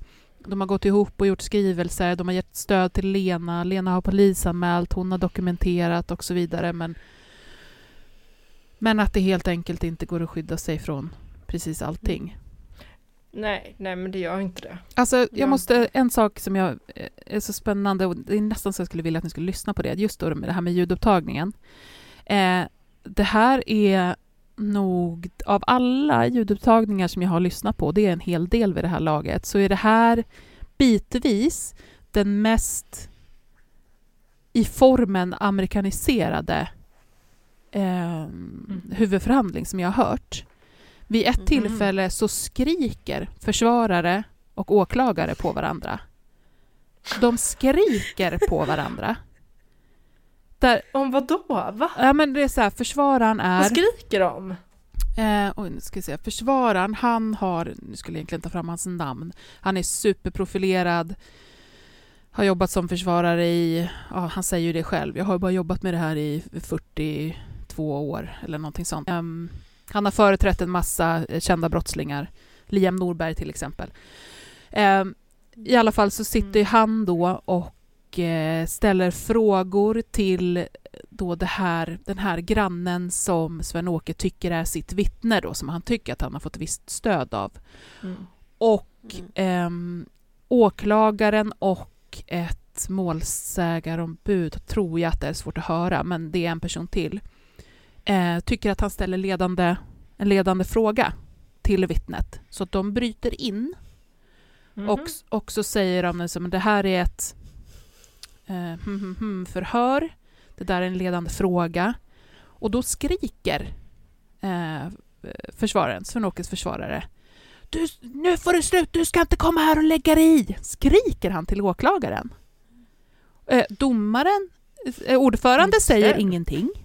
Är helt tyst i det här. Alltså där ska man ju gå in och bryta direkt och bara ursäkta. Sitter i chock. Ja, men bara det här är min rättssal, vad håller ni på med?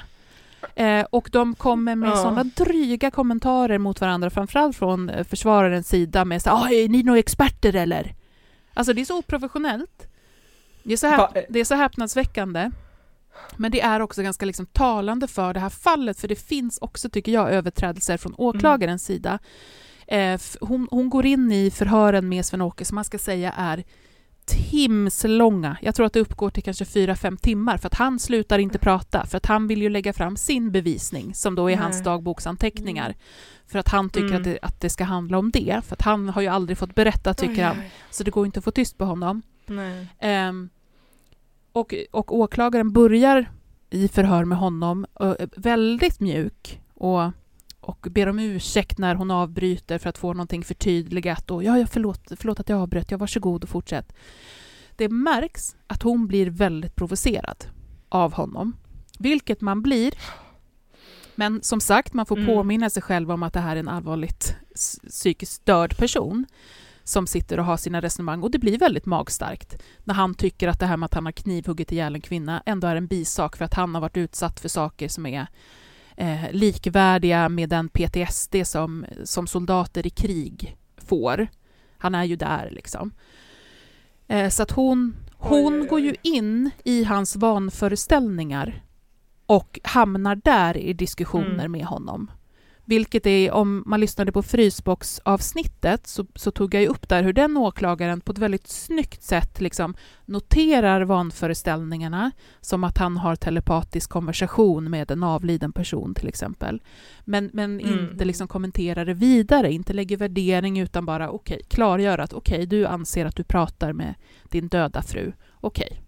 Mm. Eh, den här åklagaren går in i vanföreställningarna, ifrågasätter, trycker liksom på punkter som så, ja, men så du tycker du har blivit Varför får de inte köra bil där? Varför, varför får man inte? Det är väl en vanlig vårstädning av bilen.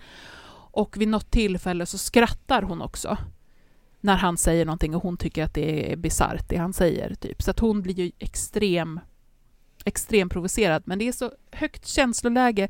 Det är också i eh, när grannarna, de som satt med, ska prata så är det också ehm, när en, när en eh, blir förhörd, eller ja, när det är vittnesförhör med en av dem, så sitter en annan kvinna vid sidan om och... Oj, nu hoppar min kamera ur. Så si- sitter en kvinna vid sidan om eh, som redan har vittnat och fyller i.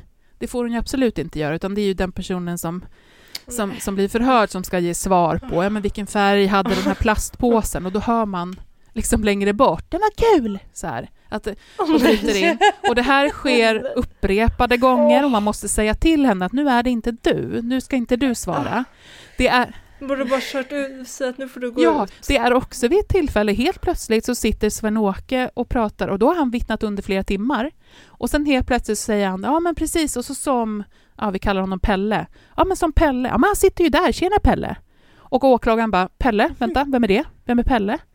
Är det ett vittne? Ska han vittna sen? Han får inte vara här inne. Då har han suttit, ett vittne alltså som ska vittna, har suttit flera timmar i, i rättssalen Oh, och no. lyssnat. Alltså det är som, det är som kalabalik. Men alltså på riktigt oseriöst. Fruktansvärt. Nej men det här ligger ju också på domaren Ja. tycker jag. Att Jättemycket. hallå, styra upp Ja. det här. Ja. Det är ju domaren som är ordförande. Ja. Eh, eller ja, alla Nämndemännen är också domare, men Ja. ja, alla, när man säger domare tänker ju alla på ordförande. Nej men det gör den inte. De försöker till och med så här att påkalla så här, det här med den ledande frågan då som de här två andra Mm. juristerna tycker. Så b- domaren, och han är så här, då hör man någon liten röst komma in. Ah, jag vet inte om jag tyckte det var ledande. Och då har han personer som alltså sitter och skriker i hans rättssal utan att han... Nej, det är, besynnerligt. Riktigt illa. Jag, jag Ja. tycker också på något sätt, framför en person som är en rättshaverist med uppenbara kraftiga vanföreställningar som har fått katastrofala följder, så får man inte sitta och skrika och bete sig på det sättet. När han redan tycker att rättsväsendet är korrupt och ute efter honom och hit och dit, så tycker jag att det är ett sånt jävla övertramp att då som försvarare sitta och spä på den bilden. Jag tänker Verkligen. framförallt på hennes anhöriga. Att de ska känna att det blir liksom en rättssäker och bra process Mm. som är seriös. Ehm, Och, och det blir det verkligen inte för Sven-Åke går också in och pratar om anhöriga på ett, alltså på ett nedsättande sätt. Att "Åh, de visste inte hur deras mamma var eh, och så vidare. Och utan att man stoppar. Alltså det finns inget, man går inte in och bryter. Alltså, jättemånga andra huvudförhandlingar som jag har hört så är man så här, men vet du vad? Svar, svara bara på frågan. Du kan inte ha de här utläggningarna. Mm. Svara på det som åklagaren frågar. nej, nej Han men tillåts sitta och prata och prata och prata utan att man liksom går in och styr. Eh, under all kritik alltså. Eh, Såg ni någonsin Twitterkontot med någon snubbe som la upp eh, Han hade någon gammal tant som bodde granne med honom som hela tiden skickade honom lappar om hur hans nätverk förstörde hennes liv Nej. för att hon var elallergiker. nej, Usch då. känner, nej. Ehm, Åh, vad jobbigt det låter. Mm, ja, men apropå det här liksom vad, vad man kan göra och lite sådana grejer. För att han fick ju lite kritik också kring, kring det här att han la upp de här lapparna. Eller liksom fotade av de här lapparna han fick och la upp att det var taskigt liksom att driva med en uppenbart sjuk gammal tant. Mm. Ehm, men han skrev det vid något tillfälle då, att men han har fått de här lapparna i flera års tid. Mm. Eh, hemtjänsten vet om de här lapparna och hur hon beter sig mot honom. Hyresvärden vet om det. Hennes barn vet om det. Liksom alla som kan försöka påverka henne att sluta vet om de här grejerna.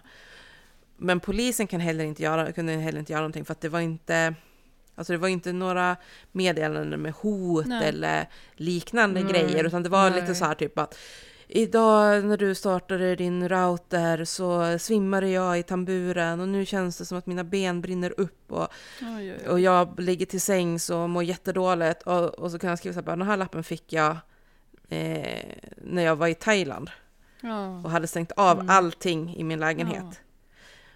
Eh, men hon har ändå bestämt sig för att det måste vara Det var jobbigt för båda alltså. Dåligt. Ja, och det var verkligen Mm. sådär man bara, det här är ju pissjobbigt för båda.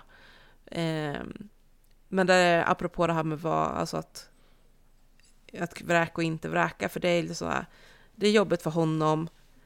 Samtidigt så var det ju inte en hotfull situation på något sätt. Eh, utan det var liksom mer irriterande. Mm. Eh, I vissa fall stressande. Men ja, han hanterar det med humor. Jag kan, Vilket kanske inte alla tyckte var bra, men ja, lite så, vad ska man annars ta sig till? för, att, för att avsluta det här så kan jag, jag vill återigen som stående inslaget rekommendera podden Det mörka psyket. Ja, men där finns det avsnitt om just vanföreställningar och jag tänker att det kan vara en ganska Mm. skön sak att få lite bättre koll på.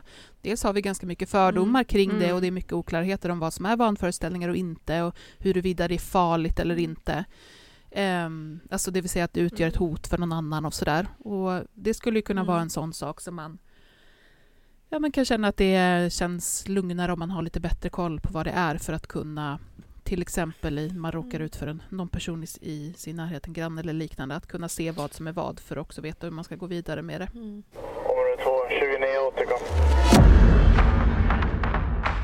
Nyans.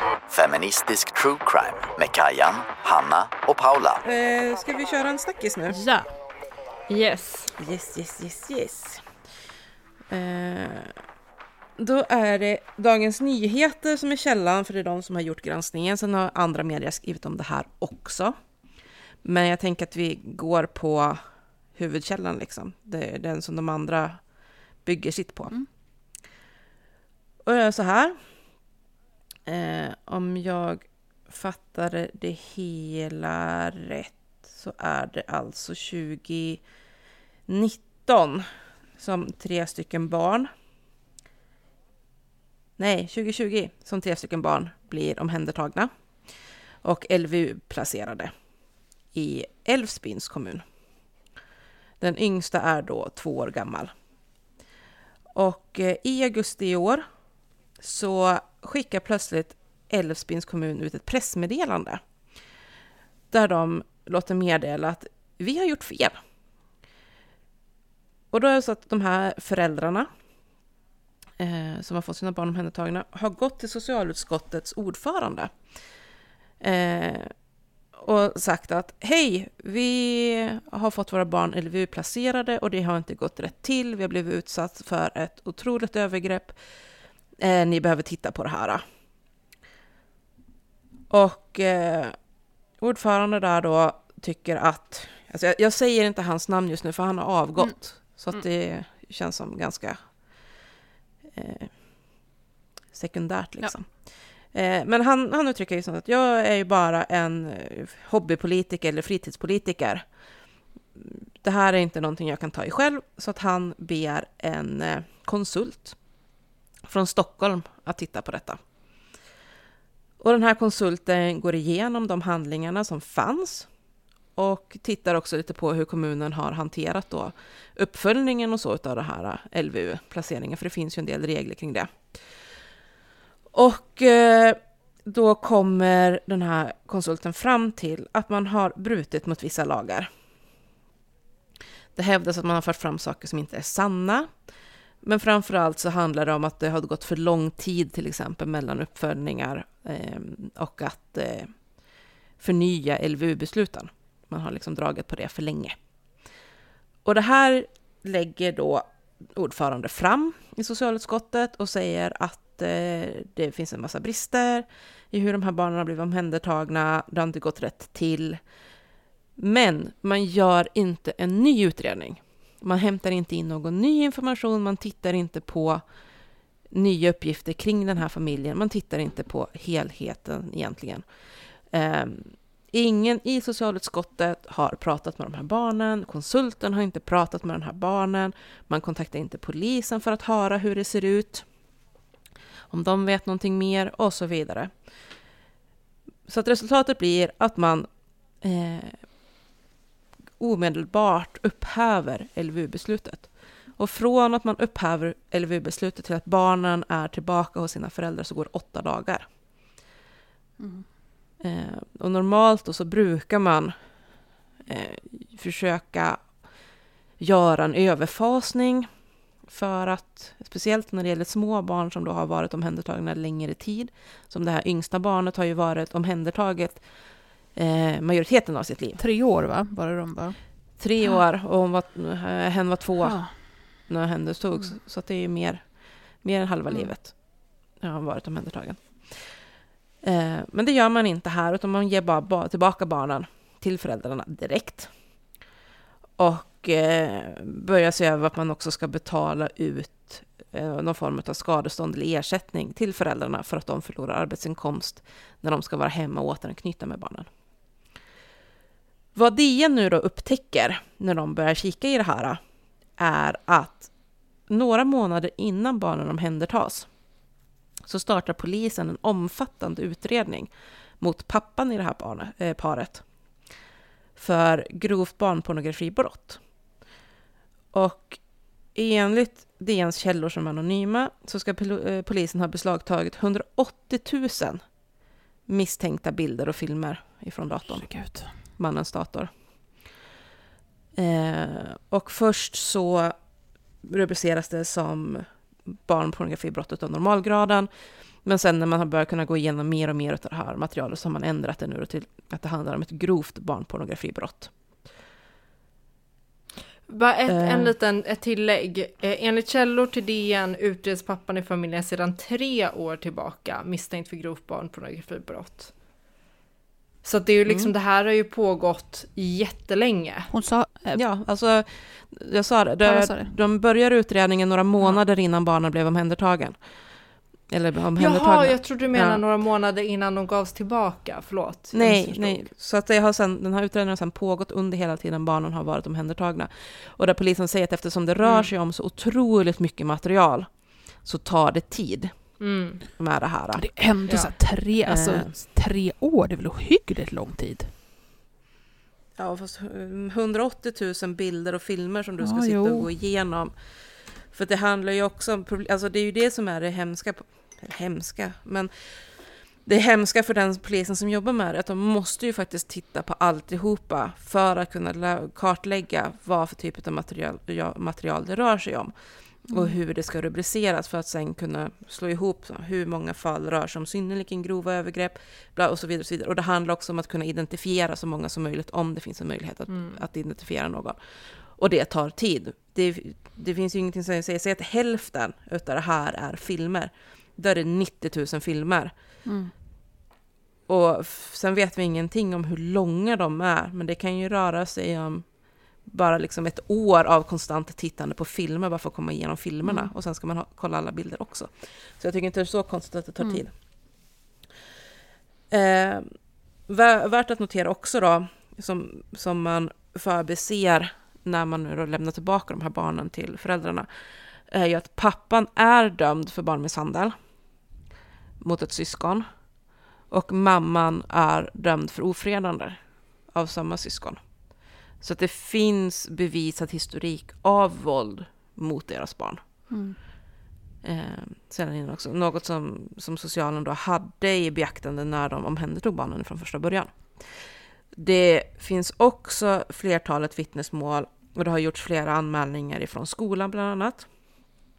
Eh, där de äldre barnen har vittnat om våld. Bland annat är det en av de äldre barnen som berättat han eh, ska ha skrivit eller sagt ungefär så här. Jag ville bygga lego på golvet för jag hade jättemycket lego. Jag hällde ut legot på golvet. Sen kom pappa och tryckte upp mig mot väggen. Sen slängde han ner mig på min säng. Sen tog han ner mig på golvet och sparkade på mig. Fy fan. Och polisen säger ju liksom att men de här grejerna är trovärdiga.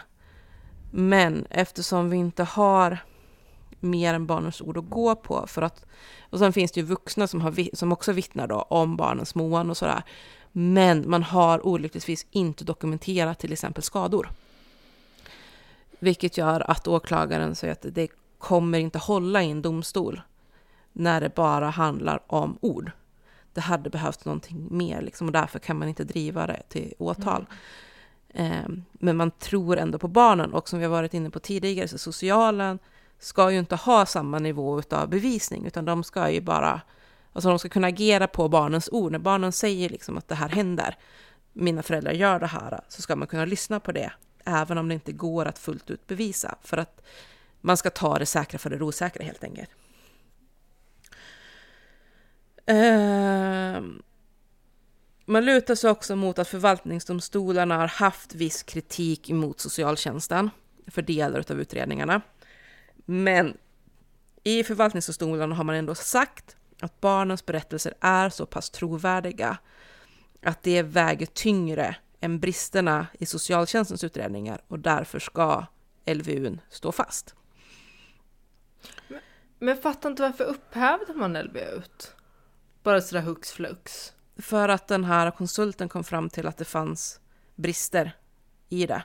Så att då, det är alltså ett, en bunt med fritidspolitiker som har läst en konsults uttalande om att den här Ah. LVU-utredningen har Mm. inte gått korrekt till och då har man bara tagit beslutet, okej, ja, men då lämnar vi tillbaka barnen. Ja. För föräldrarna säger att de är Ja, oskyldigt fattar. utpekade. Eh, och jag skickade ju en artikel till er Mm. om det här.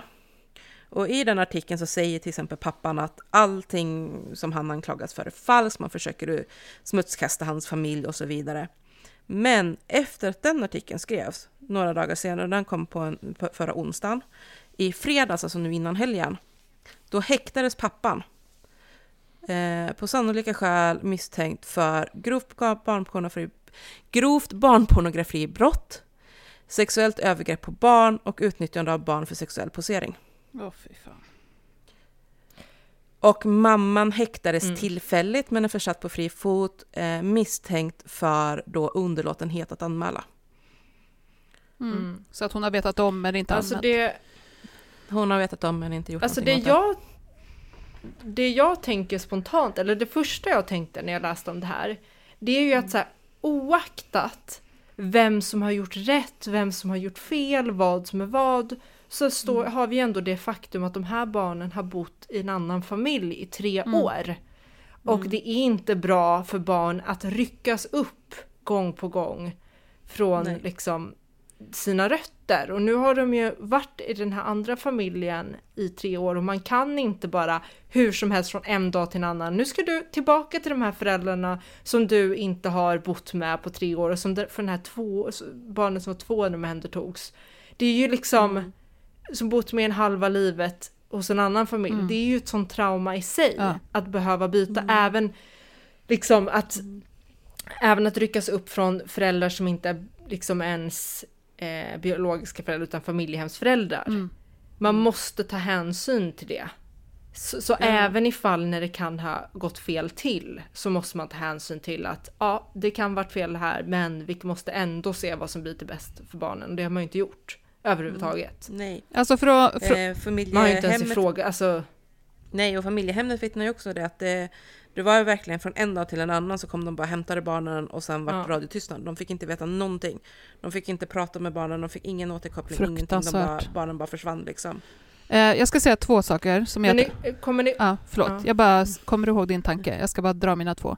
Mm. Eh, en sak som är väldigt talande tycker jag är att också inför att polisen nu åkte hem och eh, eh, ja, men, tog in föräldrarna så har polisen inte eh, meddelat eh, kommunen, alltså socialtjänsten, om det här därför att de Ja men hur de nu formulerade det. Polisen var inte säker på att skulle de säga något till socialtjänsten, och- eller de som liksom, de eh, kommunpolitiker, att skulle komma fram till dem, så var de inte säkra på att, att de inte skulle kontakta föräldrarna och liksom varna. Och det här tycker jag säger ganska mycket om hur den här processen har gått till, att den här ordföranden, Mm. den här centerpolitiken, har blivit kontaktad KD.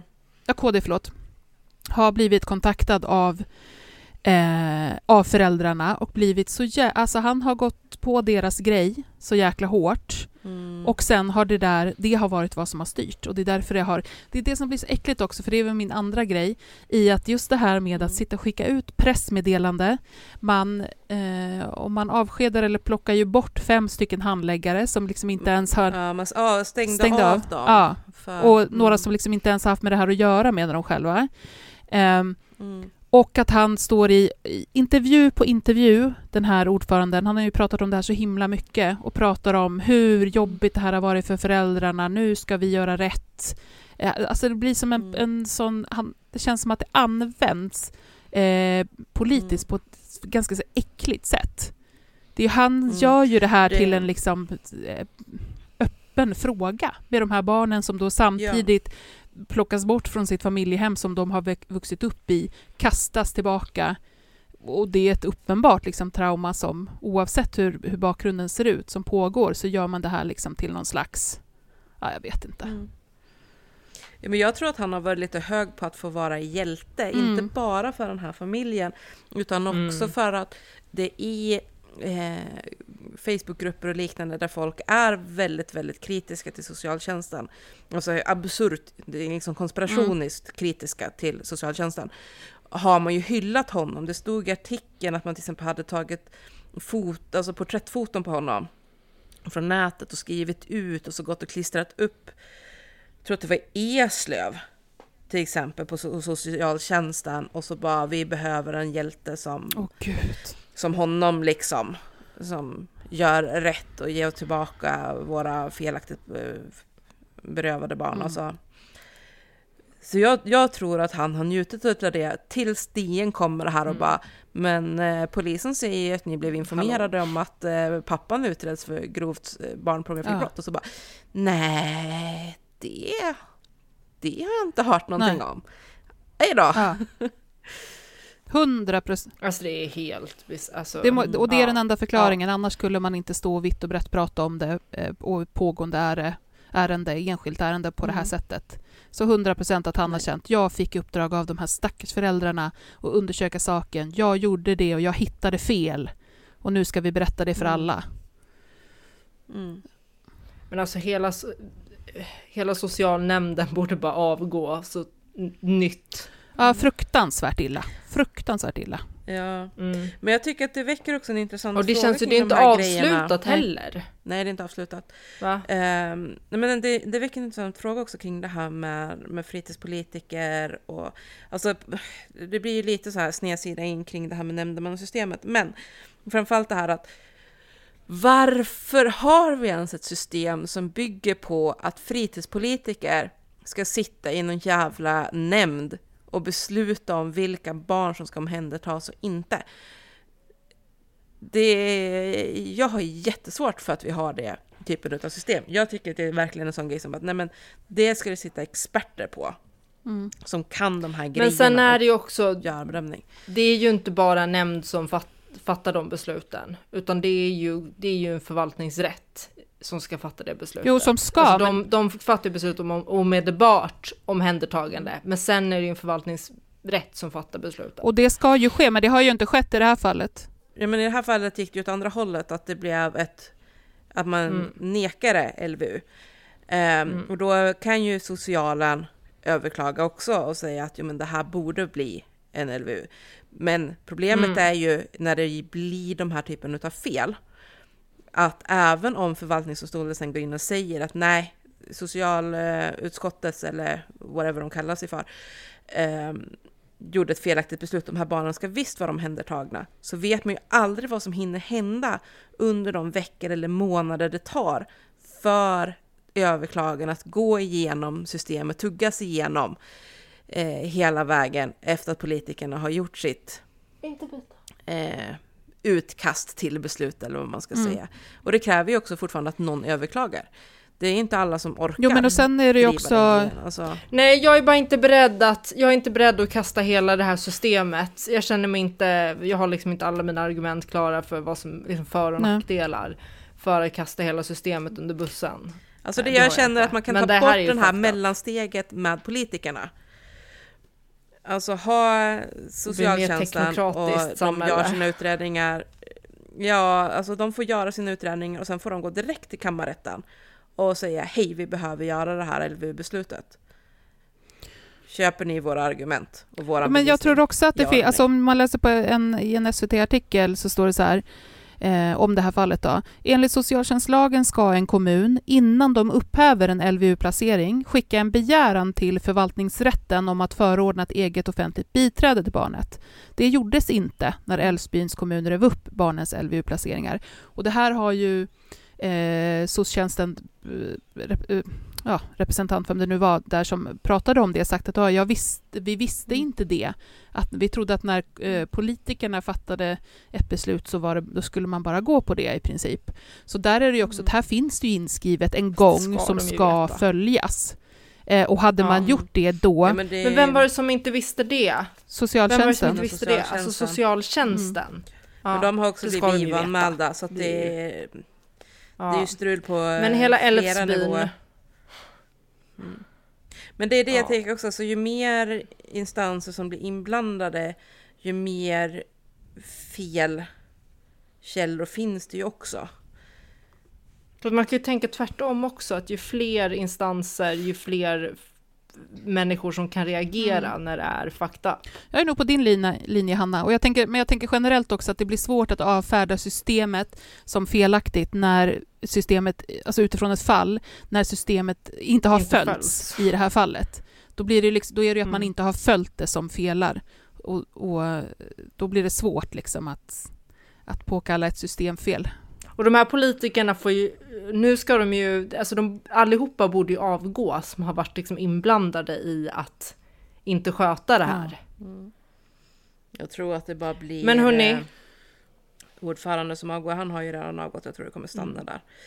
Men men, vi får eh, eventuellt återkomma och se vad slutresultatet Jag blir. tror jag det. misstänker att barnen blir omhändertagna igen nu med nya Ja, det- skäl helt Jag enkelt. tror att de ska tillbaka till sitt familjehem, av vad jag kunde se. Ja, jag hoppas det. Ja. Jag, tror, jag tycker så lutar åt det. va. Men, eh, och det borde ju vara det rimligaste, för det är ju tillbaka i en trygg miljö Mm. liksom.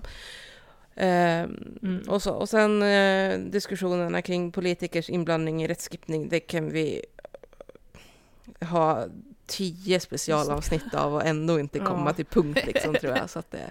We'll be back. Nu Hanna, Men take hörni- it away med avslutningen. Ja, tack för att ni har lyssnat på det här avsnittet. Är du inte redan Patreon så bli det. Då får du massor med lyssning, liveavsnitt, eh, allt möjligt roligt som du inte vill missa.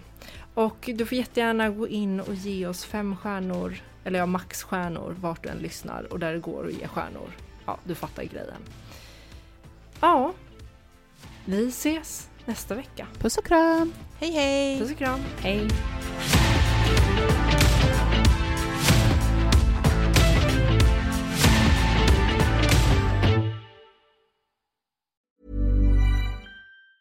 Hey, it's Danny Pellegrino from Everything Iconic. Ready to upgrade your style game without blowing your budget? Check out Quince. They've got all the good stuff shirts and polos, activewear, and fine leather goods, all at 50 to 80% less than other high end brands. And the best part? They're all about safe, ethical, and responsible manufacturing. Get that luxury vibe without the luxury price tag.